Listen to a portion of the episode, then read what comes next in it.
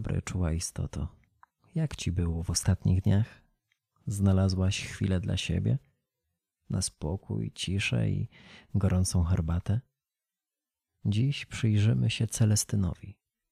Weźmiemy udział we wspólnej celebracji chwili i wraz z lerkami, które czujnie obserwują i relacjonują wydarzenia, postaramy się poznać lepiej starego wiejskiego kapłana.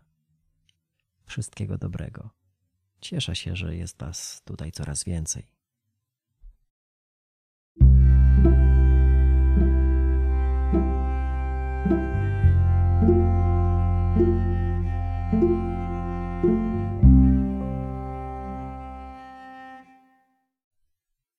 Celestyn widział Bognę przechodzącą przez wieś w kierunku swojego domu. Wiedział, że kiedyś wróci. Często zdarzało mu się prosić Archanioła Michała, by otoczył tę biedną według niego kobietę tarczą swej opieki. Prosił o to przede wszystkim dlatego, że przyzwyczaił się do widoku krzątającej się po kościele poczciwej, jak o niej mówił osoby. Przyglądał się, jak stroi wnętrze świątyni kwiatami i wiązankami ziół, jak rozwija niebiesko-białe maryjne wstążki i układa je w kokardki mocowane później do drewnianych ław. Zachwycał się tymi bukietami, przylegającymi do siebie słupkami macierzanki, mięty, chabrów i kopytnika, piołunu oraz kłosów zbóż. Zwłaszcza w sierpniu, gdy zbliżało się święto Matki Boskiej Zielnej, patronki wszelkiego urodzaju, ziemi rozkwitającej i pachnącej, nie mógł nadziwić się pleban sprawności dłoni, wyczucia smaku i otwartości umysłu tej cichej kobiety. Nie mógł wiedzieć, że wcale nie przychodziła do kościoła dobrowolnie, z rozkoszą i oddaniem swej pracy wspólnocie kościoła, że tak naprawdę kpi sobie i przystraja ten przybytek Pana, by przykryć brud, kurz i stęchliznę, która uderzała ją w nozdrza, budząc w niej wstręt. Celestyn zawsze widział dobro we wszystkim, co kręciło się wokół jego pięknego kościoła. Widział wszystkich jako wiernych i poczciwych, rozradowanych z możliwości przebywania w tak cudownym zakątku świata. Widział ponadczasowość swojego kościoła, mądrość przełożonych, boską cząstkę we wszystkim, co przenikało przez dziedzictwo Pana, w którym miał zaufanie. Dlatego nigdy nie dostrzegł pogardliwego spojrzenia Bogny, ani tego, że w noc opuszczenia swojego domu przyszła do niego, stanęła nad śniącym ciałem i z trudem powstrzymała się przed opuszczeniem poduszki na twarz kapłana, by przerwać jego sen i wydobyć z niego ostatnie tchnienie.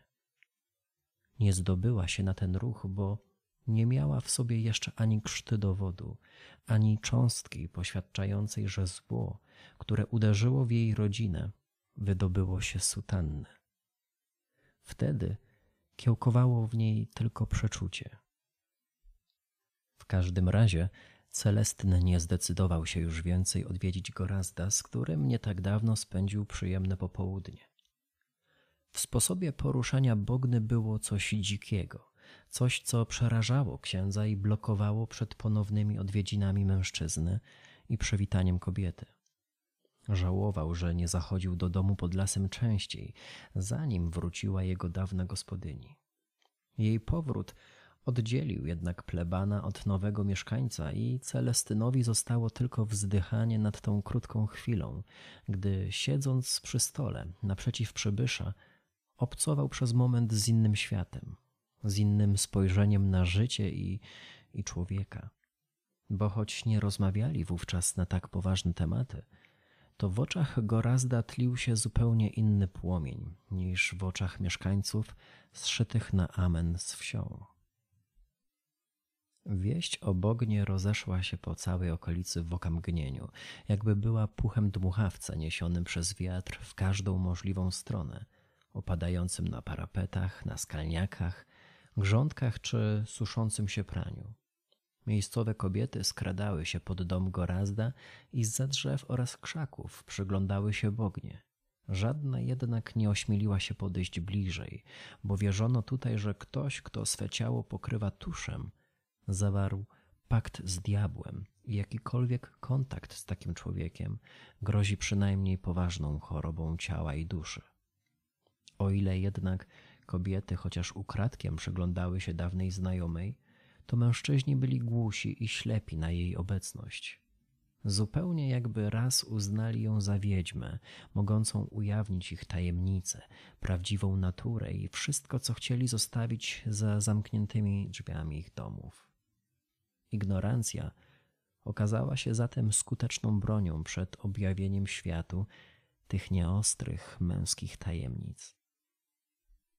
Stało się jasne, że mimo powrotu kobiety odpowiedzialnej w przeszłości za przyozdabianie kościoła kwiatami i ziołami, w tym roku Celestyn znów, sam razem z pozostałymi kobietami, będzie krzątał się między kościelnymi ławami i kolumnami, posągami, tablicami świętych i obrazami stacji drogi krzyżowej.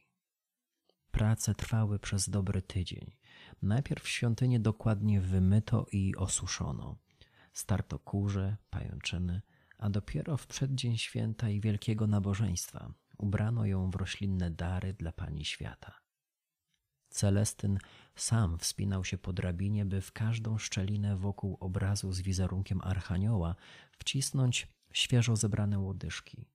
Choć sapał strasznie i długo odpoczywał po takiej wspinaczce, dbał o swojego świętego, bo czuł, że czuwa nad jego życiem i należy mu się osobiste poświęcenie proboszcza. I zdawało się, że wszystko odbędzie się zgodnie z planem że w gorący sierpniowy poranek zjawią się w kościele tubylcy, przystrojeni w swoje najlepsze wyjściowe ubrania, trzymający w dłoniach bukiety, czekające na skroplenie wodą święconą, by później trafić na zmęczoną, twardą i suchą polną ziemię.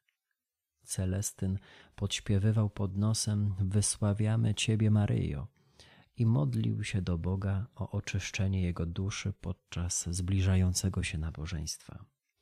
Przepasał albę cingulum, założył na siebie manipularz, stułę i ornat. Celebrował ten moment. Dotykając delikatnego materiału szat liturgicznych, czuł, że uczestniczy w wielkiej tajemnicy. Na jakiś czas przenosi się poza ziemskie wymiary. Unosi się powoli, przenika przez dach zakrystii, zmierza ku górze i przygląda się swemu ukochanemu kościołowi. Dla niego tym właśnie jest nieśmiertelność, unoszeniem się, oddalaniem od ludzkich problemów i przybliżaniem do wieczornika w Jerozolimie, gdzie zaczęły się dziać rzeczy na wieczną pamiątkę. Musi jednak zmierzyć się z rzeczywistością, więc na znak chłopca służącego do mszy i dźwięk uderzenia w dzwon wraca do zakrystii, wciąga ciepłe powietrze, by rozeszło się po ciele, szeroko uśmiecha i wychodzi do zgromadzonych tłumnie mieszkańców. Zdążył zrobić tylko kilka kroków, gdy wszystko się zatrzymało. Szok częściej wstrzymuje bieg wydarzeń, aniżeli wywołuje trzęsienia i wybuchy. My też tu jesteśmy i widzimy, jak szeroko otwiera swoje oczy. Nerwowo porusza głową, by w jednej chwili jak najwięcej objąć wzrokiem i jak najszybciej pojąć to, na co patrzy. W kościele panuje zupełna cisza. Nikt nie śpiewa, nie chrząka, nie szeleści butami po posadzce. Ta sterylność umożliwia fali dźwięku wydobytej z uderzenia o dzwon roznosić się po świątyni dłużej niż zwykle. W końcu do Celestyna dociera, że wszystkie rośliny, wszystkie kwiaty, zioła i zboża, którymi razem z lokalnymi kobietami przestrajał dom Boży na dzisiejsze święto, straciły swój kolor i zapach, zczerniały. Nie było w nich ani śladu życia, wdzięczności czy piękna wypełniły cały Kościół niczym pożoga, pozostałość po przejściu śmierci przez ziemię, zapowiedź totalnego rozkładu. Przyglądamy się cierpieniu, które pojawia się na twarzy kapłana i staje się dla nas jasne, że w tej jednej chwili poczuł w środku pustkę, a że nie był na nią gotowy, to właśnie przemienia się to ciepłe powietrze krążące po wewnętrznej świątyni Celestyna w lodowate tchnienie. Znamy go. Wiemy, że nie jest w stanie zmierzyć się z tym widokiem, dlatego zaczynamy odliczać. Jeden, dwa i trzy. Kapłan zaczyna się chwiać. Cztery, pięć, sześć.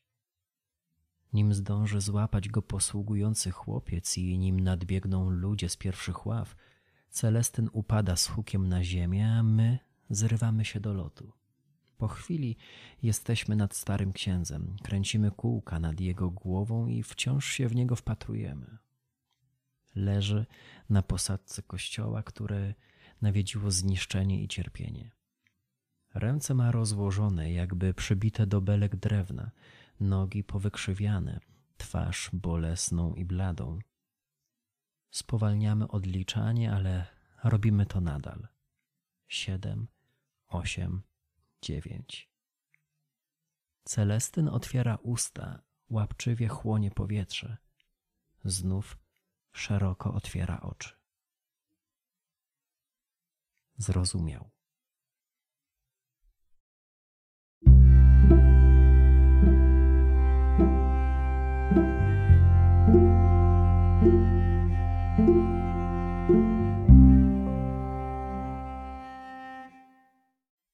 Dziękuję za czas, który poświęcasz czuła istoto na śledzenie losów bohaterów Saudade Saudade. Pamiętaj, że krótkie historie znajdziesz także na TikToku. Do usłyszenia za tydzień.